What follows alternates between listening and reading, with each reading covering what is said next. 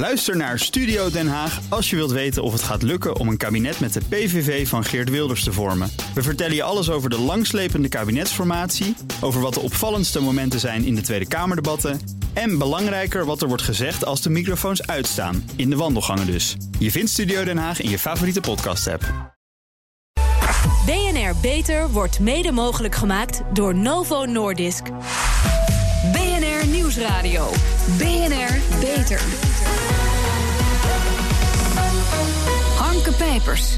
Na jaren lijkt er eindelijk weer goed nieuws te zijn voor de miljoenen mensen met migraine. Een nieuw medicijn dat mogelijk al in 2018 op de markt komt. En een grootschalig onderzoek naar migraine bij vrouwen. Welkom bij BNR Beter, het programma voor mensen die werken aan gezondheid. Mijn gasten vandaag zijn Rob van Doorn, voorzitter van het Migrainefonds en van de Nederlandse Vereniging van Hoofdpijnpatiënten, en Antoinette Mazen van den Brink, farmacoloog en universitair hoofddocent aan het Erasmus MC. Welkom allebei. Hartelijk dank. Ik begin met u, meneer van Doorn. Uh, migraine wordt vaak onderschat, vooral door mensen die het niet hebben. Het zou niet meer zijn dan hoofdpijn. Nou, het is hoofdpijn, maar een ernstig en uh, zelfs vaak invaliderende vorm, hè? Ja, dat klopt. Het is niet alleen hoofdpijn. Migraine heeft meerdere uitingsvormen. Er zijn ook mensen die last van hun zicht krijgen, dus minder goed kunnen kijken. Er zijn mensen die krijgen last van het gebruik van de arm en gaan zo maar door. Maar hoofdpijn is altijd een aspect ervan. Ja, er zijn mensen die uh, één keer per jaar een migraineaanval hebben, maar één of uh, meerdere aanvallen per dag, dat kan ook. Hoeveel mensen in Nederland hebben migraine? Ja, de cijfers zijn niet helemaal gegarandeerd zeker, maar we gaan ervan uit dat ongeveer 1,6 miljoen mensen in Nederland migraine hebben. Daaronder zijn ook de mensen die één keer per jaar een aanval krijgen. Ja, dat zijn er dus ontzettend veel. Mevrouw Maas van der Brink, de beschrijvingen van migraine en de therapieën daarentegen zijn al even oud. Hè? Zo werden er mm -hmm. gaten in schedels geboord om de kwade geest eruit te laden. Uh, daar, ging, daar gingen heel veel mensen aan dood. Ja, dan waren ze wel van hun hoofdpijn af. Later werd er gedacht aan psychische oorzaken, ook omdat dat veel vaker voorkomt bij vrouwen. Maar uiteindelijk kwamen dan toch de eerste medicijnen voor migraine op de markt. Ja, medicijnen betekenen natuurlijk in zekere zin erkenning van de kwaal. Mm -hmm. Maar hoe ver zijn we opgeschoten? Hebben we al iets uh, nieuws sinds de ontdekking van uh, triptanen in de de 90 jaren was dat? Ja, de, de ontdekking van de triptanen, dat was een enorme doorbraak. Mm -hmm. En sindsdien is het eigenlijk vrij stil geweest op het vlak van nieuwe medicijnen. En wat heel fijn is, is dat er momenteel klinische studies worden gedaan met een nieuw soort migrainemedicijnen. Dat is dan niet zoals de triptanen om een aanval af te breken, maar om een aanval te voorkomen. Ja, en maar maken de bestaande mogelijkheden, dus toch nog die triptanen, maken die medicijnen het mogelijk om normaal te functioneren? Of, of zijn er nog te veel bijwerkingen? In sommige mensen uh, lukt het wel om normaal te functioneren, maar sommige mensen houden heel veel symptomen van die migraineaanval. En ja. soms verdwijnt wel de hoofdpijn, maar blijft die mensen eigenlijk toch te ziek om weer goed te functioneren. Ja, meneer Van Doorn, u heeft een milde vorm van migraine, niet op dit moment, hè? Nee, Want dan nee, stond nee, u niet hier. Maar uw dochter heeft het een stuk ernstiger. Hoe erg wordt haar uh, leven daardoor beïnvloed? Ja, vreselijk. Dat betekent dat zij uh, minimaal twee aanvallen per week heeft. Soms vier of vijf. Dat betekent dat haar sociale leven daardoor in puin ligt. Dat wil zeggen dat ze niet naar school kan. Dat ze geen muziekactiviteiten kan doen, niet naar sport kan gaan geen vaste afspraken kan maken, want er komt altijd wel weer iets tussendoor. Ja. En dat betekent dat je normale leven als 20-jarige eigenlijk niet normaal is. Ja, dramatisch. Ander woord is er niet voor. Migraine zorgt, uh, ja, dat is duidelijk, voor heel veel ziekteverzuim. Hè. De maatschappelijke kosten die zijn natuurlijk enorm. Hoeveel bedraagt de schade per jaar gemiddeld? Weten we dat? Er is een aantal jaar geleden, ongeveer acht jaar geleden, door de Nederlandse bank een onderzoek naar ingesteld. En dat is terechtgekomen op een bedrag van 1,7 miljard euro per jaar wat dit kost. Ja. Zeggen het beïnvloedt zoveel mensen en kost zoveel geld. Alle reden om hier veel meer aandacht aan te besteden. En toch is het een beetje een ondergeschoven kindje. Hoe komt dat? Het is een taboe en dat heeft met een aantal oorzaken te maken. Punt 1, het wordt wel de vrouwenziekte genoemd. Ja. Omdat de meerderheid van de migrainepatiënten vrouw is. Ongeveer 1 op de 7 vrouwen heeft migraine, 1 op de 7 10 mannen. Dus dat wil zeggen dat er veel meer vrouwen aan lijden. Wat ook wel een rol mee speelt, is dat het uh, een onderwerp is wat niet zo makkelijk bespreekbaar is. Omdat, wat u net al zei, mm -hmm. het wordt genoemd een hoofdpijntje, maar het is natuurlijk veel meer.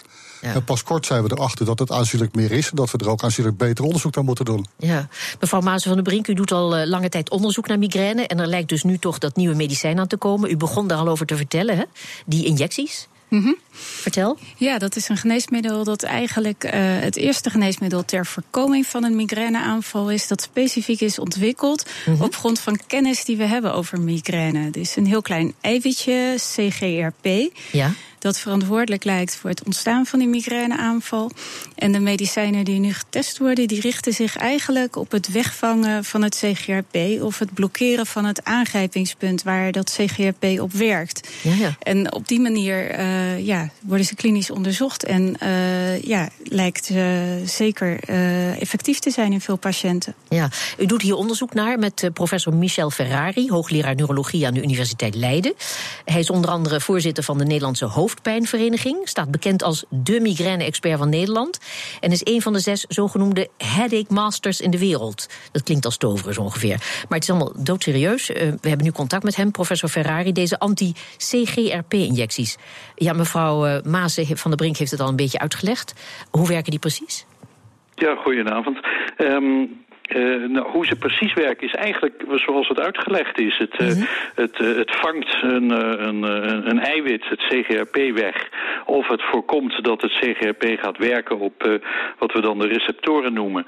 En, en daarmee blijkt dat je bij een deel van de patiënten, zeker niet bij alle patiënten, maar bij een deel van de patiënten buitengewoon goed effect kunt hebben. En ik denk dat de grote uitdaging wordt om, om uit te zoeken waarom het nou bij een bepaald deel van de patiënten heel erg goed werkt en bij, uh, bij anderen minder. Ja, want mag ik met mijn uh, lekend verstand uh, veronderstellen dat het eiwit een boodschappertje is?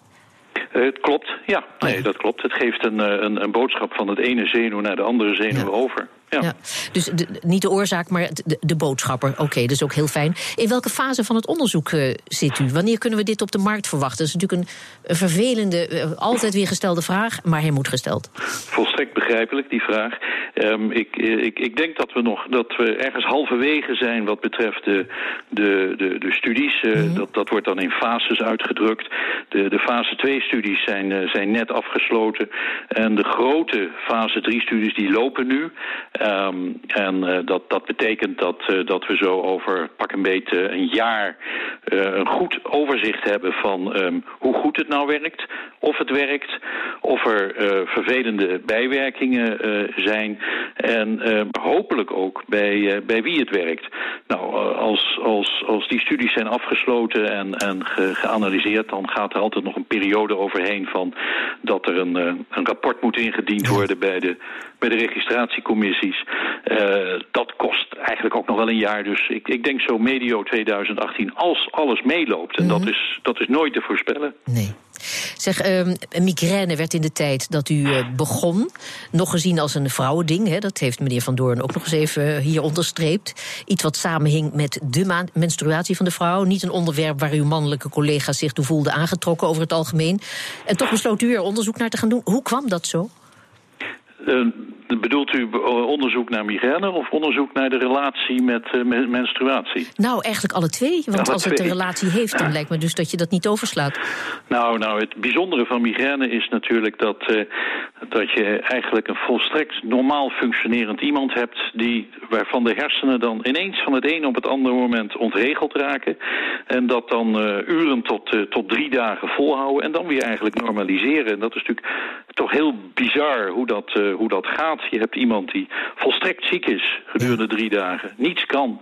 Doodziek. Hè? Het is niet alleen hoofdpijn, maar eigenlijk je hele lichaam is ziek. Je bent uh, misselijk, je moet overgeven. Je kunt uh, slecht tegen licht en geluid. Je gaat in een stil kamertje liggen. En dan drie dagen later um, ben je eigenlijk weer vaak goed genoeg om weer te functioneren. En dat, dat geeft dan ook een beetje het vreemde aan. Want mensen kijken je dan aan. Hoe kan dat? Je was toch zo ziek? Ja. En begrijpen dan niet dat, dat, uh, dat iemand dan weer hersteld is. Dus dat, dat, uh, dat, dat aanvalsgewijze, dat intrigeerde mij enorm. Mm -hmm. Nou ja, waarom het bij, bij, bij vrouwen is, dus dat is... Vroeger werd het inderdaad een ziekte van aanstellerige vrouwen genoemd. Ja. Uh, wat, uh, wat mij altijd mateloos irriteerde. Ja. ja. En, en, vrouwen ook. En uh, ik denk dat we eigenlijk pas sinds kort besloten hebben om met een, een groepje van het Erasmus Universiteit, waar Antoinette Maassen van der Brink werkt, en van het LUMC, dus het Leiden en Utrecht, om daar nader onderzoek naar te doen. En het, ik, ik denk dat het belangrijkste daarvan is dat het een, een samenwerking is voor het eerst wereldwijd tussen neurologen, uh, die dus verstand hebben van de hersenen, ja. uh, farmacologen uh, die verstand hebben van hoe je medicijnen kunt mm -hmm. ontwikkelen en vrouwenartsen die verstand hebben van wat, gaat er, wat verandert er nou eigenlijk in de hormonen bij, bij, bij vrouwen. Ja. Maar in 1996 heeft u een gen ontdekt, als ik wel ben geïnformeerd. Ja. Ik heb het een en ander gelezen. Ja, Daarna volgden nog vier genen die te maken hebben met bepaalde vormen van migraine.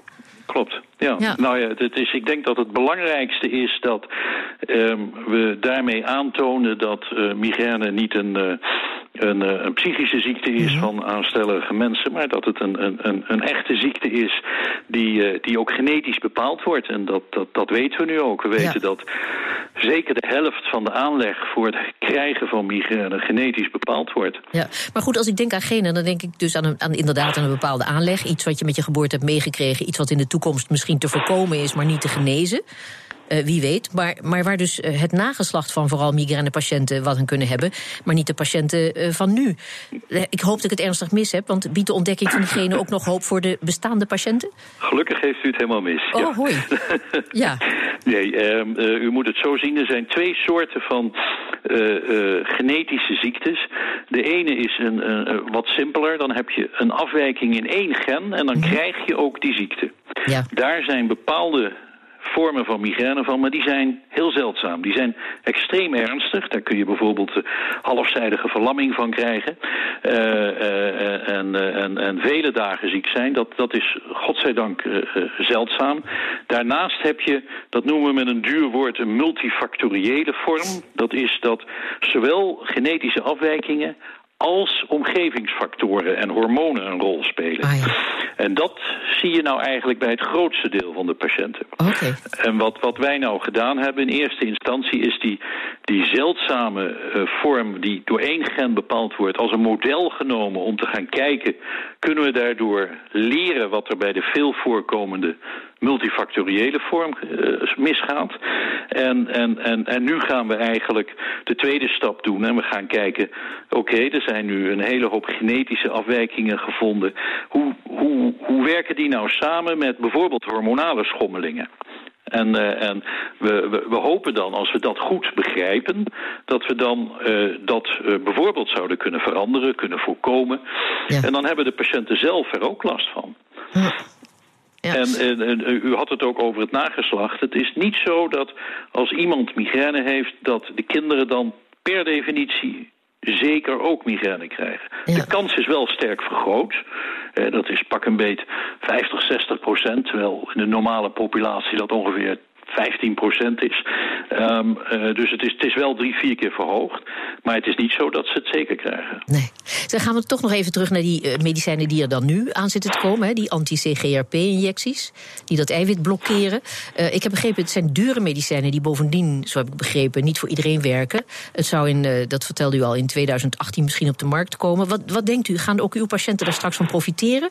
Of gaan de verzekeraars erg dwars liggen?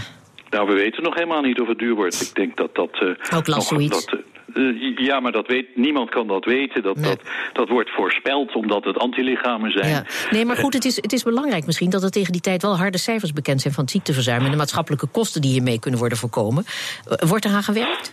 Ja, ik, ik, denk dat het van ultiem belang is dat, Ja. uh, dat er gekeken wordt aan de ene kant wat kost nou de ziekte. Hè?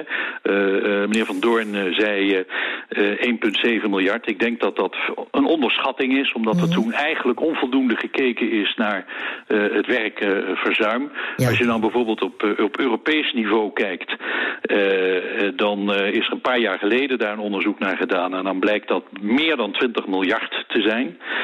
Um, en daar is veel beter gekeken naar het, uh, het werkverzuim. Hè? En, en zeker Ja. nu in een tijd dat vrouwen ook uh, uh, veel meer werken dan vroeger, Mm. uh, hakt dat er stevig in. Ja, goed, Dus er zijn dus allemaal kant- argumenten die, eh, de, de, mo- die straks moeten helpen. En we moeten dat dus niet alleen overlaten aan de verzekeraars, dat is duidelijk. Maar ja, het, het 2018, dat is het al snel, dus eh daar moet Medio dan flink... 2018 op allervervroegst. Hoor. Ja. ja, ja. Zeg, als het om nieuwe en dure medicijnen gaat, is het ook belangrijk om uh, voor zowel de patiënt als de verzekeraar van tevoren te kunnen vaststellen bij welke patiënt het medicijn wel of niet werkt. Is dat ook hier het geval? Hebben we het ook over uh, personalized medicines? Ach, dat is de droom natuurlijk. En ja. daar wordt heel hard naar gewerkt. Het is, als je naar de eerste resultaten van de studies kijkt, dan lijkt het er inderdaad precies wat u zegt op dat er een, een, een, een deel is waar het buitengewoon goed werkt. Hè. Die mm -hmm. mensen die, die, die raken 70, 80, 100 procent van hun aanvallen kwijt. Die worden bijna aanvalsvrij in sommige gevallen. En andere, ja, daar, daar gebeurt niet zoveel mee. En waarom dat is, dat weten we nog niet. Maar daar wordt wel onderzoek gedaan. Bij al die onderzoekingen die nu lopen, wordt heel erg nauwkeurig gekeken. Zijn er factoren waaruit we straks kunnen voorspellen... bij die werkt het wel en bij de andere werkt het niet. Ja. Oké, ik dank u, Michel Ferrari, hoogleraar neurologie aan de Universiteit Leiden. En veel succes met het onderzoek, ook in het belang van al die patiënten.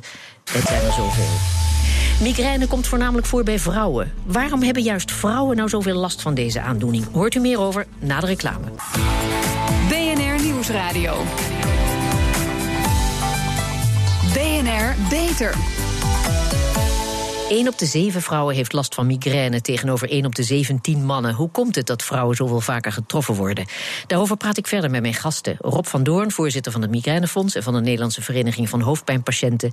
En Antoinette Maassen van de Brink, farmacoloog aan het Erasmus MC. Ja, mevrouw uh, Maassen van de Brink, het heeft iets te maken met hormonen. Is dat nou de reden dat vrouwen er zoveel vaker last van hebben dan mannen? Ja, hè? Ja, dat is inderdaad wat we denken. Je ziet heel duidelijk dat het verschil in voorkomen van migraine tussen mannen en vrouwen ontstaat uh, in de puberteit, wanneer de meisjes het eerst beginnen te menstrueren. En dat verschil in voorkomen van migraine wordt weer wat minder na de overgang, als uh, de vrouwen ophouden met menstrueren. En je ziet ook dat uh, tijdens de zwangerschap het patroon van migraine wat verandert. En ja, last but not least is het voorkomen van migraineaanvallen ook heel sterk gerelateerd bij veel vrouwen aan de menstruatiecyclus. Ja, u, u bent bezig met het LUMC een grootschalig onderzoek te doen, hè, specifiek naar vrouwelijke patiënten. Maar we weten al veel langer dat dit uh, vaker bij vrouwen voorkomt. Is er niet al veel eerder onderzoek gedaan naar de samenhang tussen migraine en, en vrouwelijke hormonen? Wat wel is gedaan is eigenlijk een beschrijving van -hmm. wanneer komen die aanvallen nou voor, ook in relatie tot de menstruele cyclus. Maar waar eigenlijk maar heel weinig onderzoek naar is gedaan, is uh, wat ligt daar precies aan ten grondslag. En ja, in de jaren zeventig is er wat onderzoek daar gedaan. Daarna eigenlijk heel lang niet. Recent hebben we uit ons eigen onderzoek van het Erasmus MC en uh, ook een andere publicatie van afgelopen jaar zie je wat aanwijzingen dat er verschillen zijn in de mate waarin die hormoonveranderingen plaatsvinden tussen migrainepatiënten en uh, niet-migrainepatiënten. Maar precies is dat nog niet opgehelderd. Dus we ja. willen eigenlijk heel graag weten: één, zijn er nou verschillende patronen in die vrouwelijke hormonen tussen migrainepatiënten en gezonde niet-migraine mensen? En uh, ten tweede, reageren die migrainepatiënten dan ook anders op hormoonschommelingen dan uh, gezonde vrouwen? Ja, maar het is krankzinnig dat er toch niet eerder diepgaand onderzoek naar is gedaan. Hè? Als er zoveel vrouwen hier het slachtoffer van zijn. Zoveel meer dan mannen. Maar ja, de, de, de, man van 40 is, is de norm nog steeds in de medische wetenschappen. Ja, helaas wel. Ik moet zeggen, het begint uh, wel te veranderen. En ja. Uh, ja, voor het grote onderzoek dat uh, we willen gaan doen... hebben we ook vorige week nog een subsidieaanvraag ingediend bij ZonMW. Minister -hmm. Schippers heeft afgelopen jaar toegezegd... geld apart te zetten voor wetenschappelijk onderzoek... dat zich richt op het verschil tussen mannen en vrouwen. En migraine leent zich daar natuurlijk bij uitstek voor. Ja. En het is inderdaad hoogste tijd om de schade in te halen. En is ja. goed uit te zoeken wat er nou aan de hand is. Ja, en ondertussen bestaat meer dan de helft van de, de medische studenten uit vrouwen. Gelukkig maar, zou je zeggen. Bijna. Toch? ik denk 50-50 is een mooie verdeling. Ja, vind ik ook. Goed. Meneer, meneer Van Doorn, hoe is het Migrainefonds hierbij betrokken? Het Migrainefonds is een jaar geleden opgericht op initiatief van de Nederlandse Vereniging van Hoofdpijnpatiënten. Met als doel om geld uh, te verzamelen uit de Nederlandse samenleving via legaten en giften. Ja. Om daarmee onderzoek te kunnen financieren en de voorlichting over uh, migraine te verbeteren. Ja, en, en de donateurs hebben dit geld opgehaald? Of, of uh, ziet de overheid ook wel het belang in van dit onderzoek? En nee, de overheid geeft aan het Migrainefonds geen enkele euro. wij halen geld binnen van particulieren en van bedrijven. En we doen ook altijd oproepen als Migrainefonds aan dergelijke instellingen... Mm -hmm. om ons te helpen en ons te steunen om de dood eenvoudige reden dat bij heel veel bedrijven, vooral grote bedrijven, altijd mensen rondlopen met migraine. Dus Ja. die bedrijven hebben zelf ook voordeel van. Ja, absoluut. Dus u wou bijna zeggen, u heeft de overheid niet nodig. Of bent u toch een beetje nijdig dat u van de overheid geen subsidie Nou, nijdig zou niet het goede woord zijn, maar dat wij iets wat teleurgesteld zijn dat de overheid die zo weinig geld in stopt, terwijl het zo een enorm voordeel hebben voor de samenleving, Ja. dat gevoel bestaat wel. Dat kan ik me voorstellen. Ja. Zeg nog eventjes, eh, mevrouw Maas van der Brink. eh, als het dus te maken heeft met hormoonwisselingen, dan vraag ik me meteen af: helpen dan hormonale anticonceptiemiddelen als de pil hier dan niet tegen? Kennelijk niet. Nou, het wordt in praktijk wel eens gebruikt. Ja. En eh, bij de ene lijkt het iets te helpen. Bij sommige patiënten wordt het juist weer slechter. Maar er is eigenlijk nooit fatsoenlijk en degelijk onderzoek naar gedaan. En dat is precies het onderzoek dat we goed willen gaan doen. En het zou heel goed kunnen dat je wel hormonaal moet ingrijpen. Maar dat de anticonceptiepil net een verkeerde samenstelling heeft of een te simpele samenstelling en dat we het elders moeten zoeken. Dus we willen eerst gaan ontdekken wat is nou het patroon in die hormonen en de vervolgstap die we heel graag willen doen is dan kijken hoe kunnen we daarop ingrijpen. Ja, maar we praten nog allemaal ingrijpen op. Hè? Want eh, hoe zit het met het eh, achterhalen van de, van de werkelijke oorzaak van migraine? Dat is nog ver weg, hè? Ik denk dat de oorzaak niet bestaat. Migraine heeft heel veel oorzaken. En zoals professor Ferrari daarnet al zei, is- een genetische erfelijke aanleg Ja. een van de oorzaken. Ja, daarnaast hormoonveranderingen, maar verder zijn er, ja, denk ik, nog wel wat meer kleine factoren die kunnen zorgen dat iemand net wel of net niet een aanval krijgt. En bijna iedereen kan wel eens in zijn leven een migraineaanval krijgen. Maar als een aantal factoren zich opstapelt, dan wordt iemand echt een migrainepatiënt. Ja, kwestie van meer onderzoek. En dan komen we er wel. Zeker, Ja. daar ga ik vanuit. Eh, meneer Van Doorn, eh, migraine gaat gepaard met veel ziekteverzuim, dat noemde u al. Dat is een pro- groot probleem, omdat er bij eh, collega's op de werkvloer vaak weinig kennis is en weinig begrip. Eh, houdt het migrainefonds zich daar ook mee bezig? Ja, we proberen via een aanpak met een aantal mensen in onze organisatie, vrijwilligers, inzichtelijk te maken dat mensen op de werkvloer ondersteuning van ons kunnen krijgen bij het eh, duidelijk krijgen wat migraine nu precies is. Dat geldt voor de patiënten zelf, Ja. maar dat geldt ook voor hun werkgevers en voor de collega's.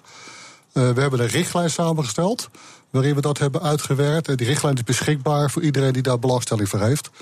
Eh, daar er heel veel mensen in Nederland werken, nou hoop ik dat er veel mensen ook belangstelling voor hebben. Ja, dus verbetering van kennis, meer begrip. Maar hoe gaat het tot nu toe in de praktijk? Want ja, eh, wat ondervinden migrainepatiënten? Want als je een aanval hebt of als je die voelt opkomen, dan kun je weinig anders doen vaak dan in je bed gaan liggen. Ja, dat klopt. Dan moet je zorgen dat je zo snel mogelijk een bed zoekt. En eh donkere kamer, geen geluid en geen licht.